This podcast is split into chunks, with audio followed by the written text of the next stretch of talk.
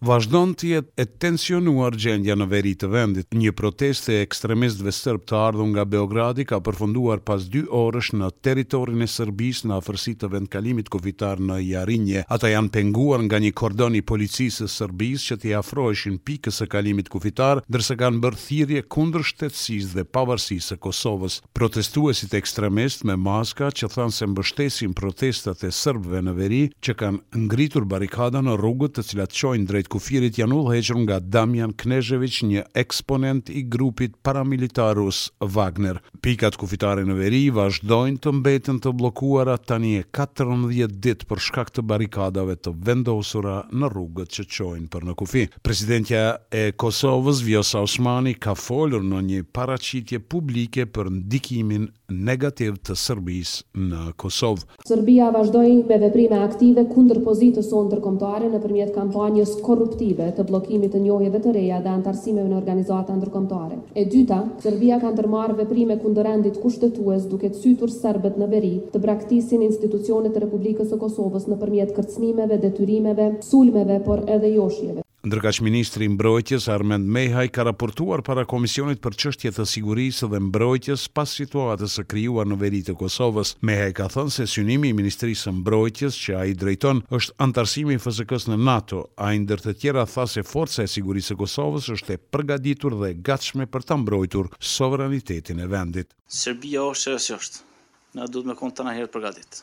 Asaj s'i besohet kurrë. Po na jena të përgatit, jena të gatshëm për me mbrojt vendin, në çdo kohë kur do kërkohet. Synimi ynë është anëtarësimi në NATO dhe kjo nuk është dëshirë por vizion i përbashkët të cilin jemi duke punuar në vazhdimësi. Krahas anës ligjore është punuar edhe në rritjen e numrit të ushtarëve dhe ngritjen e kapaciteteve profesionale dhe atyre operacionale. Gjatë këtyre muajve të mandatit në total janë rekrutuar një mijë e dyqind e tridhjetë ushtarë. që është dyfishi i vitit dy mijë e njëzet e dy mijë e nëntëmbëdhjetë. Një numër i konsiderueshëm i sërbëve të veriut kanë protestuar në Rudar të Zveçanit ndaj vendimeve të Qeverisë së Kosovës që nxitën edhe dorëheqjen e sërbëve nga institucionet e Kosovës. Ata kërkuan lirimin e të arrestuarve, tërheqjen e forcave policore nga veriu dhe anulimin e listës së arrestimeve me të dyshuar sërbë. Kryetari i Listës Sërbe, Goran Rakiq, gjatë adresimit të tij para turmës, tha se nuk do të heshtin para siç i quajti ai, padrejtësive. Dua t'i them Prishtinës dhe mentorëve të tyre se ne jemi këtu dhe duam paqen, por duam edhe liri dhe se nuk do t'u dorëzohemi atyre që do të shkatërrojnë gjithçka që është serbe.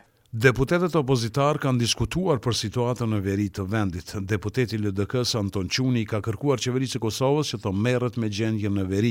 Ai ka thënë se situata në veri i shërben vetëm Rusisë dhe Serbisë dhe se Qeveria e Kosovës nuk duhet të bie në kurthet serbe. Quni kritikoi edhe për moskoordinim me ndërkombëtarët. Kryeministër mundesh me u ndje i pushtetshëm me opozitën. Mund të vazhdosh ta ushtrosh pushtetin me mospërfillje e cinizëm, me padëgjueshmëri e me populizëm. Mirëpo Kosova nuk është e qeverisë, është e popullit. Ndërkaq deputetja e AAK-së, Time Kadrijaj, tha se po habitet nga qetësia e kryeministrit derisa gjendja e sigurisë në veri është mjaft e tensionuar. Ndoshta kjo është dëshira e juve që e keni pas me e bo këtë vend llugë edhe me i bo shërbim Vuçiqit edhe tash po rrini qetë sepse e ke realizu atë dëshirë të Vuçiqit. Por kryeministri Albin Kurti nuk e bëri asnjë koment rreth kësaj çështje.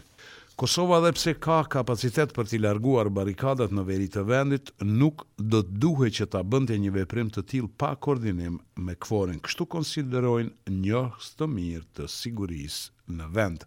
Ish-komandanti i Forcës së Sigurisë së Kosovës dhe njohës i çështjes së sigurisë, Kadri Kastrati, ka deklaruar se megjithëse Policia e Kosovës ka kapacitete që t'i largojë barrikadat, megjithatë ka thënë se ky nuk është një operacion i thjeshtë, prandaj edhe ka rekomanduar institucionet e vendit që të veprojnë me kujdes. Unë mendoj që Policia e Kosovës nëse hyn në një operacion të tillë do të ishte shumë i rrezikshëm dhe do të kishte pasoja edhe në njerëz. KFOR-i do të duhej sipas meje që të kyçet aty, ta bëjnë një perimetër të sigurisë disa qindra metra, mos them kilometër, që t'i largojnë ata njerëz dhe pastaj të veprojnë dalëngadalë t'i hjekin ato barrikada.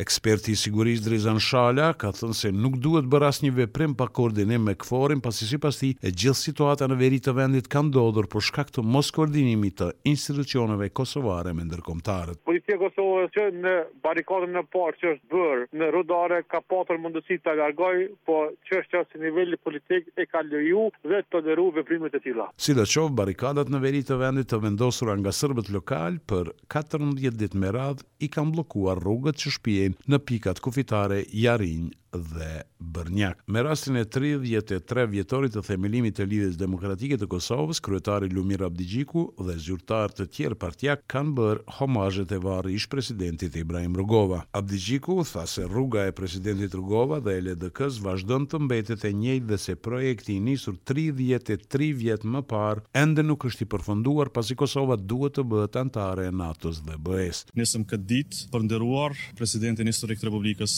Ibrahim Rugovën, prijësin e shqiptarëve në periudhën më të vështirë për popullin tonë, njëkohësisht dhe themeluesin e Lidhjes Demokratike të Kosovës. Po shënojmë njëzet e tre dhjetorin e vitit një mijë e nëntëqind e tetëdhjetë e nëntë, kur burrat e gratë më të mirë të vendit, në kohën më të vështirë të vendit, u rreshtuan prapa Rugovës dhe ndërtuan kështu programin më të madh politik shqiptar, Lëvizjen për Liri, për Pavarësi e për Demokraci. Rruga e Presidentit Rugova e Lidhjes Demokratike të Kosovës vazhdon të mbetet e njëjtë. Ky projekt i nisur tridhjetë e tre vite më parë ende nuk është i përfunduar, meqenëse Kosova duhet të bëhet shtet anëtar i NATO-s dhe BE-së dhe kështu t'i japim përfundim një ëndrre të nisur tridhjetë e tre vite më parë. Kosova i ka siguruar votat për anëtarësim në Këshillin e Evropës dhe një gjë e tillë mund të ndodhë gjatë vitit dy mijë e njëzet e tre. Kështu ka deklaruar ministrja e Punëve të Jashtme dhe Diasporës, Donika Gërvalla gjatë raportimit në Komisionin për Punë të Jashtme. Për Radion SBS, Mendu Hysa, Prishtinë.